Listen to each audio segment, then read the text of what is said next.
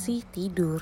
Udah pakai skincare, udah sikat gigi, lampu kamar juga udah dimatiin.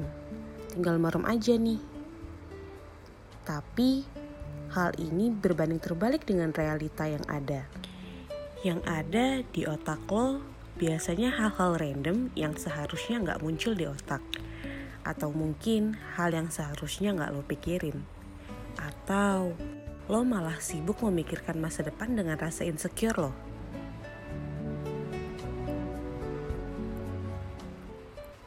Daripada nggak bisa tidur, yuk dengerin podcast anak tengah malam.